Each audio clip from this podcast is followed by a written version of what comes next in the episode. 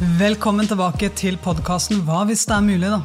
I dag blir det en litt nedpå-prat rett fra hjertet mitt, hvor jeg skal lufte noe som jeg er litt usikker på hvordan blir tatt imot. Jeg er veldig takknemlig for at du hører. Jeg har gjort noen oppdagelser, og jeg tror at uh, det her kan kanskje utfordre noen av de tingene som du òg har blitt lært opp helt siden du var liten. Uh, I hvert fall så har det vært det for meg, så velkommen. Jeg håper at det her kan være noe som får deg til å reflektere, noe som kanskje også til og med inspirerer, og som kan bidra til at du òg gir slipp på det som noen ganger kanskje gjør oss litt anspent. Litt uh, følelsen av ikke være nok. For meg så har denne innsikten gitt meg enormt mye, og jeg gleder meg så til å gi det videre. Så takk for at du er her. Takk for at du lytter. Jeg har lyst til å starte med en historie som starta i starten av koronapandemien. Og jeg visste ikke da på det tidspunktet at det jeg dreiv med, og det Marius, min kollega, dreiv med, egentlig skulle vise seg å være en studie. Men jeg blei gjort oppmerksom på det av en professor da jeg holdt en undervisning på Universitetet i Sørøst-Norge i forrige uke. Og hun sier Anja, det her er jo en studie, du må jo publisere den. Så jeg tenker at ja, men da gjør jeg den her, da. Eh, jeg publiserer den rett og slett her i podkasten istedenfor. Fordi jeg er interessert i å finne ut om det her kan bety mer for flere. Så I starten av koronapandemien så starta Marius og jeg sammen et konsept som vi kalte for Team Fearless. Fordi vi så at det var veldig mange der ute som nå sleit, og særlig håndballspillere som var vant til å gå til en hall, men nå var det stengte dører. De hadde ikke lenger laget sitt rundt seg, og vi tenkte hvordan kan vi løse det problemet?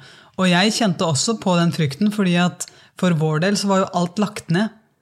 Så vi heller hadde ikke de inntektsbringende tiltakene som det vi visste at vi trengte å ha i en bedrift for å kunne gå rundt. Men vi var heller ikke gira på å, på å permittere oss, eh, for jeg hadde lyst til å bidra. Og hvem kan vi bidra for? Og så tenkte jeg håndball, mindset, det er min hjemmebane. Vi går der.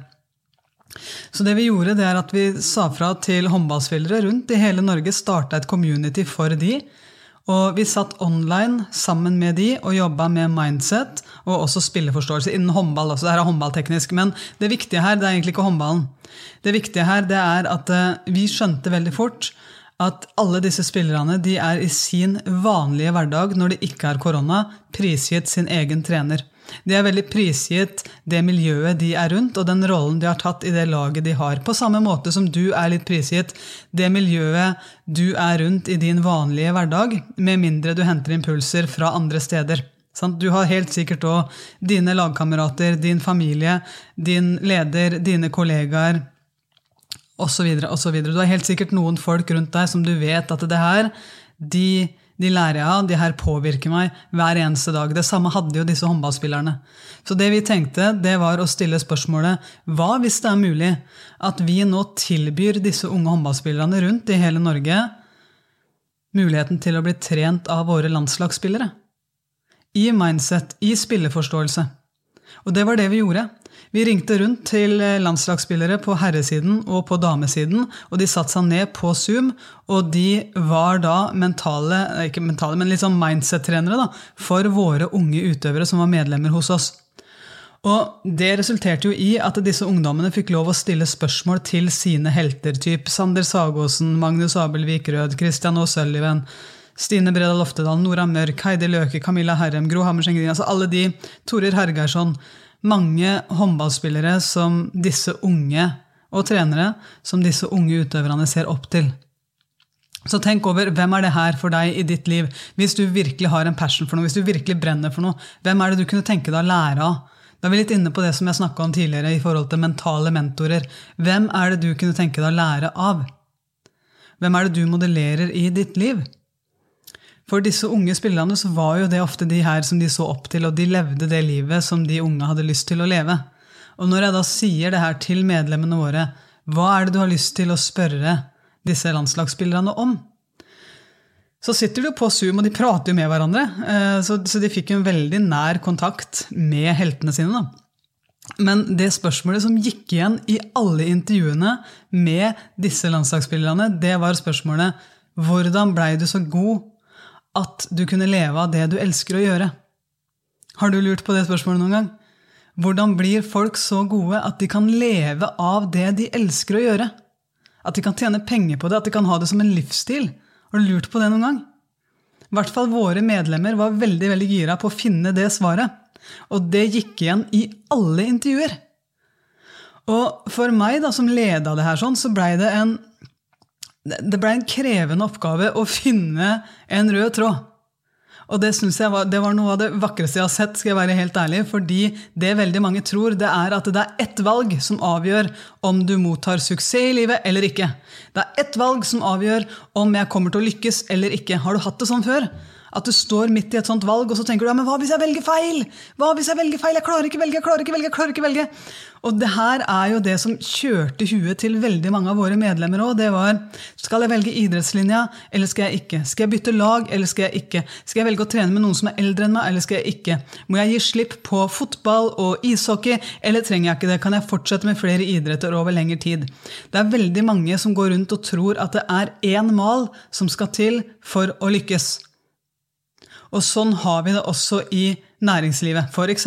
helt enkelt når det gjelder målsetning. Veldig mange tenker at skal du lykkes, så må du ha en målsetning. Og det her skal vi prate om masse senere, men bare se for deg nå hva er det for deg? Hva er det du ser for deg er en rett mal for å lykkes? Og har du noen gang lurt på om du tar rett valg innenfor den malen? For noen bare tror at det er en mal der som ikke jeg vet om, og hvis jeg bare får den malen, så kan jeg bare modellere, og det betyr at når jeg modellerer, så kan jeg tappe inn i noe som gir meg den rette veien mot det jeg drømmer om. Men hva hvis det er mulig at den malen ikke fins? Hva hvis det er mulig at din mal kan bli den perfekte malen for deg? Når jeg prata med Sander Sagosen, når jeg prata med Nora Mørk, når jeg prata med Magnus Abelvik Rød, Camilla Herrem, alle disse folka, så ser jeg at alle hadde helt totalt ulik vei inn i landslagsdrakta. De hadde valgt totalt ulike ting. Noen hadde valgt toppidrett på videregående. Noen hadde begynt på håndball. altså Magnus Abelvik Rød han begynte på håndball når han var 13 år. 13 år! Han var langt bak de andre når han begynte, men som 19-åring så ble han kåra til verdens beste unge håndballspiller. Og hva har skjedd i mellomtida her? Har han bare trent håndball? Har han gått helt besatt inn og trene håndball? Nei, han gjorde ikke det. Han var så interessert og nysgjerrig at han ba om å få klipp i dropboxen sin, så han studerte seg selv, han studerte laget sitt, han studerte de beste. Han elska å se på håndball, men så elska han også å gjøre masse annet. Han var involvert i mange idretter, han. Så han spissa ikke bare inn på håndball med en gang. Og, og, det samme med ekstremt mange av de andre. Noen valgte ikke engang å gå toppidrett på videregående. Noen blei værende i sin hjemmeklubb, i sin moderklubb, fram til de var 20 år. Uten å haste seg ut i noe som var mer. Noen var med på regionale landslag, noen var ikke det. Noen var skadefrie hele ungdomstida, andre var ikke det. Noen kom raskt inn i kapteinsroller og inn i sentrale roller i laget. Noen andre gjorde definitivt ikke det. Så det å sammenligne der du er nå, med det du ser hos andre, der de er, det er veldig lett at vi der skaper en illusjon. da. For det vi ikke ser, det er selvfølgelig jobben som har blitt lagt ned, men de har lagt den ned på hver sin måte. De har lagt ned på den måten som passer de best. Og med mindre det er det du kopierer, så er det ikke sikkert at den malen du da kopierer, er den malen som passer deg best. For, for meg så var det kun én ting jeg kunne se som var felles for hele gjengen. Det var kun én eneste ting som var felles for samtlige. Og det var setningen som alle sa. Og jeg har det fortsatt på på tape. Vel, det heter ikke det, det var et kjempegammelt ord. Men jeg har det fortsatt lagra i appen vår, og det er setningen 'Jeg spiller håndball fordi det er gøy'. Hør på det. Jeg gjør det her fordi det er gøy. Og når jeg sier det her høyt, så kjenner jeg at det kommer en liten sånn eh, Liten skepsis, det er lov å si det. for der begynner folk umiddelbart å si ja, det, det, skulle tatt seg ut hvis vi skal gjøre det som er gøy. Anja, nå må du vokse opp. Ting skal ikke bare være gøy. Alt er ikke gøy! Nei, jeg vet det. Alt er faktisk ikke gøy. Og tru meg, alt er ikke gøy for den spilleren som blir skada rett før OL. Alt er ikke gøy for den spilleren som står på mølla dag etter dag etter dag med blodsmak i munnen. Men når fundamentet, når grunnlaget til at du gidder å stå opp om morgenen, er fordi du vet at du gjør det du gjør mesteparten av dagen din fordi du syns det er så gøy, i det øyeblikket du vet det, så tåler du å stå i ganske mye annet. Så finner du en vei. Og det er det jeg så, da. at eh, når jeg da begynner å grave litt i det, her, sånn, så spør jeg ja, men når er det gøy for deg. Så ser jeg at her spriker det jo totalt. Noen syns det er veldig gøy fordi at de er med i et lag. Noen syns det er veldig gøy fordi at det er konkurranseelement, og de kan vinne eller tape og kjenne på det presset. Noen syns det er veldig gøy fordi de kan se hva de er i stand til å pushe kroppen sin med. Noen syns det er veldig gøy fordi at de kan bli fri fra en rolle de ellers har i hverdagen. Og så kan de bare gå inn og spille ut en helt annen rolle i det laget, på den banen. Noen syns det er veldig gøy å samle på trofeer, eller samle på opplevelser, eller samle på øyeblikk. Og noen syns det er veldig gøy å være med å organisere et lag. Være med å finne ut av hvilke spiller kan vi sette på hvilken plass. Det er enormt mange ulike måter å synes at ting er gøy på. Og jeg er helt sikker på at akkurat nå så kan du sitte og bare oversette alt det jeg sier, til din hverdag. Jeg er helt sikker på det, fordi veldig mange av voksne folk fra ungdommen og opp til det som kalles voksenalder, og også etter voksenalder, de tenker at gøy, det er for barn. Det skulle tatt seg ut om vi gjør ting fordi det er gøy. Og jeg mener at den formelen, den trenger vi å snu. Vi er ikke vant til å tenke etter hva det jeg syns er gøy. Vi er ikke vant til det i vårt samfunn, og vi er ikke vant til å navigere ut ifra det. Vi er vant til å navigere ut ifra hvilken jobb kan jeg ta som sikrer meg inntekt, og hva er det fornuftig å gjøre, og hva er det forventa at jeg gjør? Det er det vi er vant til å tenke. Og vet du hva som skjer? Én av fem er engasjert på jobb, ifølge en studie fra Gallup. Og, og det er altså hva, hva det om oss Det er en helt annen podkast, men hvis vi tilbringer åtte timer pluss av dagen vår på ting vi er direkte uengasjert i, så er det direkte skadelig. Så hva er det du syns er gøy, og hvordan kan du eventuelt jazze opp det du allerede gjør? da, Hvis du nå er ansatt et sted hvor du tenker ah, shit, det var meg. jeg, er, jeg er faktisk fire av fem, en av de fire som er direkte uengasjert på jobb. Og jeg har lyst til å gjøre det litt gøyere. Jeg har lyst til å kjenne at jeg er litt mer inspirert. Jeg skjønner at det er ting jeg må gjøre. Jeg skjønner at det er en grad av disiplin, det er en grad av gjennomføringskraft. Det er en grad av alt det her. Vi trenger alt det der. Men jeg tror også, skal jeg være helt ærlig, at vi trenger å føle oss hele. Vi trenger å føle at vi ikke er jaktende og jagende etter noe som en dag skal gjøre oss glad. Men hva hvis det er mulig at vi allerede kan være det? da? Hva hvis det er mulig at du allerede har den gleden inni deg? Vi bare trenger å finne ut av hvordan, hvordan kan vi gjøre det på den måten. Vi trenger ikke å gjøre alt så sykt kjedelig for å vise at vi er seriøse. Vi trenger faktisk ikke det. Hvis du kommer inn på en arbeidsplass Jeg gjør, jeg gjør ofte det. Og så er det sånn ja, her må vi jobbe med arbeidsmiljø. Her er det, er, her er det nedpå noe. Altså. Vi må virkelig ta tak. Dette, nå er det alvor. Ja. Så la oss fortsette å holde det litt her nede, da. La oss prate om det med litt sånn at det, liten sånn stemme der. Det er litt synd på oss. Vi syns det er litt stusslig. Ja, vi kan gjøre de tinga der, men hvor stusslig er ikke det, da? Vi trenger ikke det. Jeg var inne i en bedrift sammen med sosialantropolog Ivar Haugstad en gang. Hvor det var snakk om at vi trenger å gjøre et eller annet med arbeidsmiljøet her. Og så skjønner jeg at det er noen konkrete ting som da trenger å, å gjøres. Eh, samtidig så tenker vi hvordan kan vi gjøre det gøy? Hvordan kan vi ta tak i det her og faktisk kjenne at det her er noe vi har lyst til å gjøre? Ikke noe vi føler at vi må gjøre fordi nå er det krise. Nei, hva hvis vi kan gjøre det gøy? Så det vi fant ut, det er at det, det som plaga mange, det var at det var mye syting.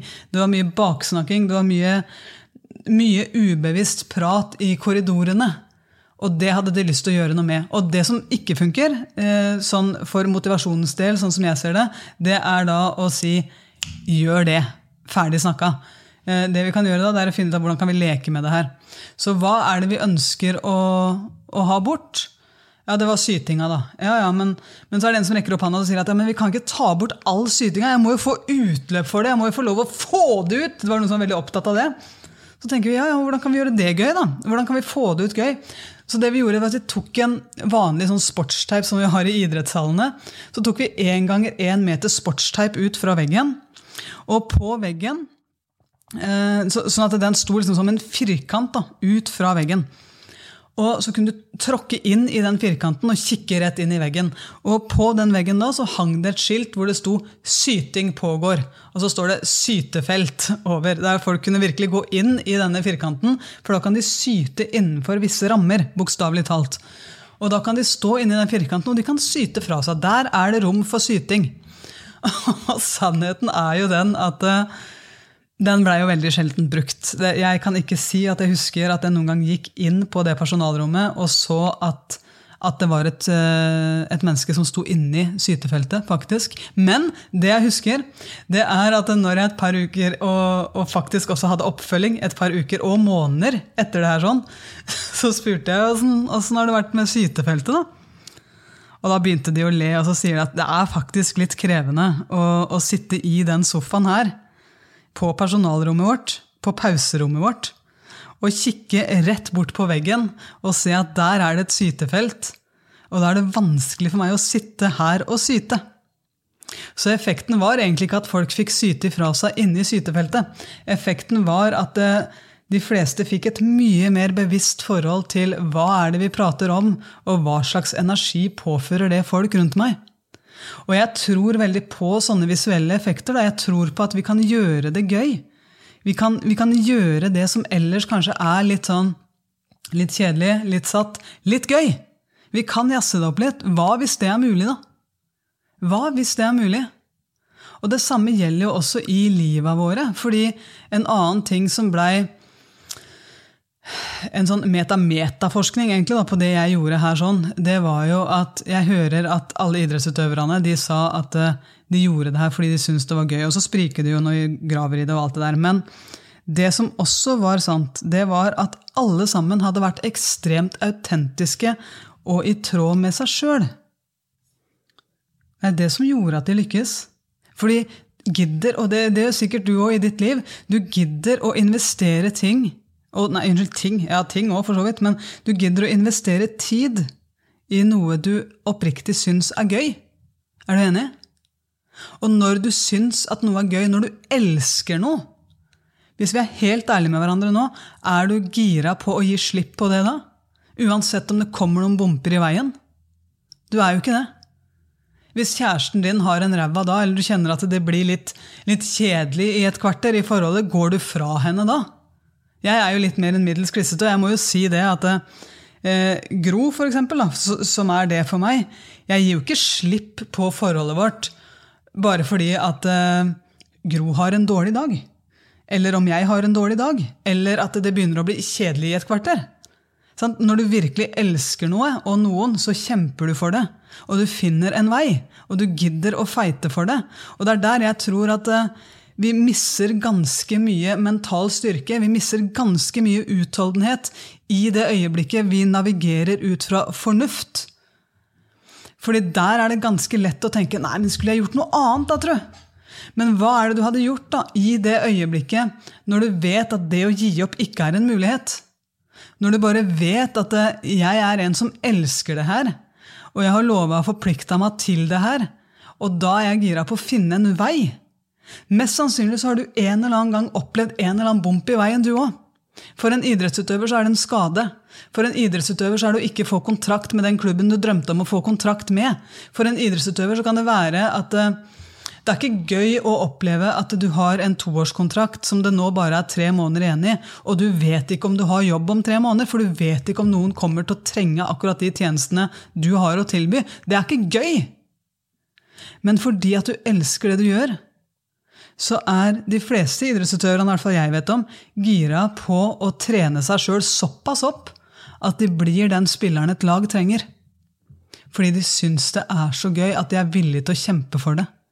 De har så mye interesse og kjærlighet til idretten sin at de er villige til å kjempe for det. Og jeg tror virkelig da at ja, kanskje kan vi leke med det her. Kanskje kan vi konstruere den passion ved å finne det som virkelig vi elsker i noe som ellers er kjedelig. Det kan godt hende. Men jeg tror også på spørsmålene hva hvis det er mulig, da? Hva hvis det er mulig at vi går vekk fra 'jeg må', 'jeg burde', 'jeg må sette meg mål', for en eller annen gang fram i tid så trenger jeg å bli glad. En eller annen gang fram i tid så skal jeg nå det målet, og det kommer til å være min definisjon på suksess. Og det her er jo sånn vi setter oss mål, og det er sånn vi er lært opp til. Og jeg vet inni meg at den podkasten her, den vil rokke ved noe som som kanskje er litt unorskt, og i hvert fall direkte ulikt en toppidrettsutøver å sitte og si. Men jeg vet ikke, hvis jeg skal være helt ærlig, om det å sette en tydelig målsetning er det som har gjort at jeg har oppnådd resultater i mitt liv. Jeg tror at jeg trenger et bevisst forhold til når skal jeg sette mål, og når er det jeg bare skal være nysgjerrig og gå inn i det jeg gjør med et beginners mindset, altså med nakne øyne, ved å hele tida se på meg selv som en nybegynner, som utforsker, som er nysgjerrig, som er leken, som lærer, som lærer, som lærer, som lærer av folk rundt meg og av det jeg gjør selv, og som hele tida er i nå-øyeblikket. Eh, jeg har lyst til å avslutte med å dele en historie fra da jeg kom til Larvik håndballklubb. Jeg hadde spilt et mesterskap for Norge tidligere. Det hadde vært et mål jeg hadde satt meg. Akkurat sånn som du helt sikkert har satt deg mål tidligere i livet ditt. Jeg vil til VM, og jeg vet nøyaktig hvordan jeg kommer til å føle meg, trodde jeg. da. For det er jo sånn vi gjør i Norge, at vi setter oss mål, og så visualiserer vi hvordan det målet kommer til å få oss til å føle. Og så bla bla bla. Og det er fint, det, men jeg var så knytta til det målet at jeg var så anspent at jeg nesten nå må prate med kjevene samla. Fordi at eh, jeg skulle bare til VM, jeg skulle bare til VM, jeg skulle bare til VM, for det er det som gjør meg lykkelig. Det er det jeg vil, det er det, det er, det er mitt mål. Det er målet mitt. Jeg skulle til VM. Hva er ditt mål? Tenk over det. Hva er ditt mål? Hva er det du drømmer om? Hva er, hva er ditt mål? Hva hvis det er mulig å gi slipp på det? Oh, Anne, please, please ikke gjør det. Det her det kan jeg ikke høre på. Det er mange som tenker nå, så er det noen som blir litt nysgjerrig, og så går de videre. Eh, det jeg opplevde, da, det er at jeg ramla ut av landslaget etter VM. Veldig fortjent. Eh, jeg brukte tre år på å virkelig trene meg opp i fokus. Det her har jeg prata om før. Eh, men så begynner jeg etter hvert da i Larvik håndballklubb. Og jeg begynte i Larvik håndballklubb vel vitende om at jeg er en av de som ikke har veldig mye å vise til her. Jeg vet ikke om du har opplevd det noen gang, at du, du, går inn i et miljø og så kjenner du at her er det mange kompetente mennesker. Her er det mange mennesker som kan mer enn meg. Hvordan går du inn i det miljøet da? Jeg valgte beginners mindset, altså nybegynner-mindsettet. Mindsettet som, som ga meg pågangsmot og nysgjerrighet og evnen til å gi slipp på å måtte være perfekt. Jeg satte meg ingen mål i det hele tatt. Vi hadde et felles mål i laget. Og jeg sa jo ikke det her til treneren min den gangen, her, men jeg kan hviske det til deg nå. Jeg satte ingen personlige mål den sesongen. Ikke si det til den gamle treneren min, men det gjorde jeg ikke. Det er det som er sannheten. Det eneste jeg ville, det var å gå inn og lære av de som var bedre enn meg. Jeg hadde det som mål. Og tro meg, jeg var dedikert. Jeg var disiplinert, jeg var strukturert, jeg planla treningene mine sånn at jeg kunne være i øyeblikket og virkelig ta til meg absolutt alt. Så, så hvis det eh, det er kanskje det, Hvis jeg må si at jeg hadde et mål, så var det det eneste målet jeg hadde. da. Jeg ville bare lære. Jeg var ikke investert i det hele tatt inni meg i et bestemt resultat. Jeg var bare nysgjerrig. Og for meg, hvis jeg skal være helt ærlig, det skapte frihet. Jeg var helt fri til å utforske. Jeg var helt fri til å teste ting ut. Og jeg hadde en leken attitude. Jeg visste at jeg feila. Og når jeg feila, så gikk jeg og spurte keeperen vår hva er det som gjorde at du redda det skuddet. Hva er det som gjorde at jeg avslørte hvor jeg kom til å skyte. Og, og hvis jeg feila på en pasning, så kunne jeg gå bort til Nora Mørk eller en av de jeg spilte med, og bare si du, eh, jeg spilte feilpasning, hvordan kan jeg spille den bedre for deg neste gang? Og, og hele tida være såpass fri det virkelig gjorde at jeg, jeg bygde meg opp. Og jeg brydde meg. Jeg brydde meg ekstremt mye om laget, jeg brydde meg ekstremt mye om hvordan jeg kunne bidra. Jeg visste nøyaktig hvilken spisskompetanse jeg hadde, og hvilken spisskompetanse de andre hadde. Og jeg var så disiplinert. Jeg var alltid ute i god tid til trening.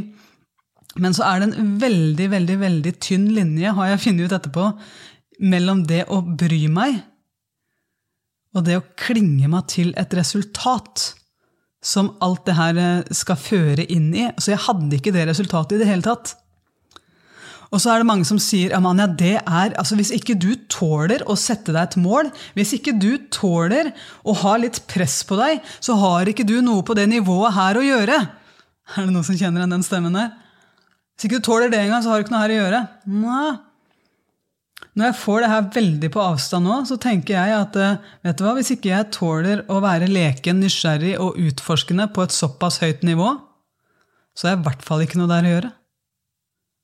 Hvis ikke jeg tør det, så kommer jeg til å straffe meg sjøl og andre ganske knallhardt når jeg gjør feil, og når andre gjør feil. Og så er spørsmålet får jeg bedre resultater av det. Ja, kanskje. Kanskje ikke. Får jeg bedre resultat av det jeg gjør? Kanskje, kanskje ikke. Det jeg vet, det er at eh, jeg fikk resultater. Jeg fikk knallbra resultater. Jeg gikk fra å være en som kom til Larvik håndballklubb og blei spådd en som skulle sitte på benken hele sesongen av de såkalte ekspertene, til seks måneder senere å bli kalt tilbake i landslagsvermen, for så å bli utpekt som MVP, Most Valuable Player i EM. Og det her sier jeg ikke for å skryte, men det her sånn sier jeg for å løfte opp et sånn lite nysgjerrig tema rundt hva hvis det er mulig at lekenhet kan være noe av det mest seriøse vi gjør? Hva hvis det er mulig at du ikke er lat eller svak hvis du ikke har et mål? I vårt samfunn er vi så besatte at vi må jobbe mot noe. Men vet du hva? Hvis du gjør det fordi du elsker det, og ikke bare fordi du elsker resultatet av det du gjør, så er det en veldig stor sjanse for at når det kommer bumper i veien, så kommer du til å begynne å tenke kreativt på hva hvis det er mulig å komme styrka ut av det her? Hva hvis det er mulig at jeg kan bruke den tida her nå på å lære meg noe som jeg ellers ikke har tid til? Hvordan kan jeg leke med det her? Hvordan kan jeg bidra? Så kan det godt si at det kan godt hende at resultatene blir like, men jeg inni kroppen min føler en totalt forskjell på frihet og på glede. Jeg vet ikke hva det her er for deg, men jeg hadde veldig veldig lyst til å dele podkasten. For jeg tror helt, helt, helt oppriktig at noen ganger så setter vi mål, og det er lurt. Og andre ganger så setter vi mål, og det gjør oss anspent og ute av stand til å tenke kreativt og lekent fordi vi blir helt besatt av resultatet og ikke av prosessen og ikke av lekenheten og kjærligheten til det vi gjør. Eh, så jeg har lyst til å bare også dele en kort kort, kort historie om da jeg satte meg et mål som var viktig for meg. Eh, men Det ga meg ikke noen glede, men det ga meg resultater. Og det er det her som er viktig. da. Eh, vi må skille mellom hvorfor gjør jeg det jeg gjør, og hva er egentlig viktig når. Når jeg skulle inn i Mesternes mester, så, så skjønte jeg veldig fort at de Jeg vet ikke om du har sett på Mesternes mester, men når vi skal gå oppover de bakkene med de her store store ballene som vi skal trille oppover bakken. Siljefoss, tror jeg den øvelsen heter. Vi skulle gå oppover den bakken med disse svære pilatesballene med vann i. Så skjønte jeg at det, de ballene de veier faktisk like mye som meg. På det tidspunktet jeg sa ja til 'Mesternes mester'. Og det betyr jo at for meg, hvis jeg nå skulle kommet såpass langt i 'Mesternes mester', så vil det være et direkte livsfarlig prosjekt. Sant? Så her trenger jeg å gå opp i vekt. Så jeg har satt meg et konkret mål. Jeg trenger å gå opp fem kilo i muskler før 'Mesternes mester'-innspilling, og jeg har tre måneder på meg. Og det jeg gjør da, det er jo den vanlige standardprosedyra som vi ofte gjør i Norge. Ta kontakt med de beste, få et program, gidd å gjennomføre programmet, se deg sjøl i utvikling og mestring, og alt det der sånn, så ser du deg sjøl bare bygge det opp, og plutselig, bam, fem kilo seinere, så er du der.